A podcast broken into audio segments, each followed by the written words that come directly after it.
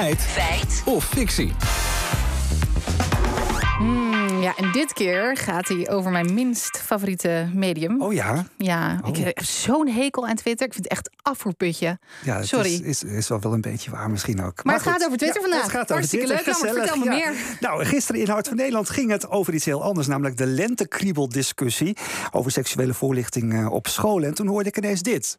Op school is iedereen positief. Maar op Twitter is er ook kritiek dat kinderen op jonge leeftijd al blootgesteld worden aan seksualiteit. Ja, daar gaat hij weer. Oh, Twitter wordt er weer bijgehaald als insteek bij een onderwerp. En oud-journalist Niels Kalkman beweerde zelfs, ironisch genoeg wel op Twitter, dat er in Nederland meer mensen op korfbal zitten dan op Twitter. En die Twitter-gebruikers zijn volgens hem dus helemaal niet zo'n representatieve groep. Dus ik zou zeggen, dat ga je checken natuurlijk. Mensen Ja. op korfbal, meer, meer mensen op korfbal dan op Twitter. Ja, we gaan twitteraars en korfballers stellen. Daarvoor belde ik eerst met Tim Jonker van Newcom, een onderzoeksbureau op het gebied van social media. Volgens hem zijn er op dit moment 3,1 miljoen Twitter-gebruikers in Nederland. Alleen lang niet iedereen is actief. Van die 3,1 miljoen eh, gebruikers op Twitter zit er een anderhalf of zit er 1,1 miljoen dagelijks eh, op het platform. Als je het echt hebt over actief, eh, dan hebben we het over het plaatsen van content, het zelf plaatsen van content. Dan is het anderhalf miljoen gebruikers.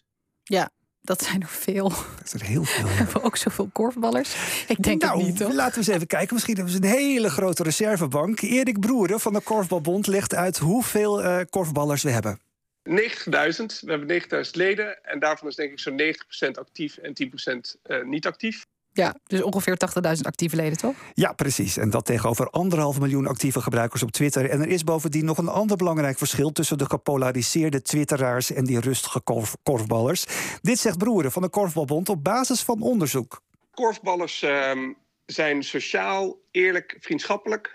En, eh, en zijn eh, harmoniezoekers. Ja, nou, dat, eh, dat kom je op Twitter niet tegen, kan ik je vertellen. Nee, Nee. Vind ik ook wel. Dat is ook nog wel een feit of fictie, misschien wel goed. Eh, terug naar deze feit of fictie. Er zijn dus veel meer mensen op Twitter dan op korfbal. Maar hoe komt deze oud-journalist hier dan op? nou, we hebben even contact met hem gehad. En hij heeft het verhaal een jaar of tien geleden gehoord. tijdens een hoorcollege journalistiek.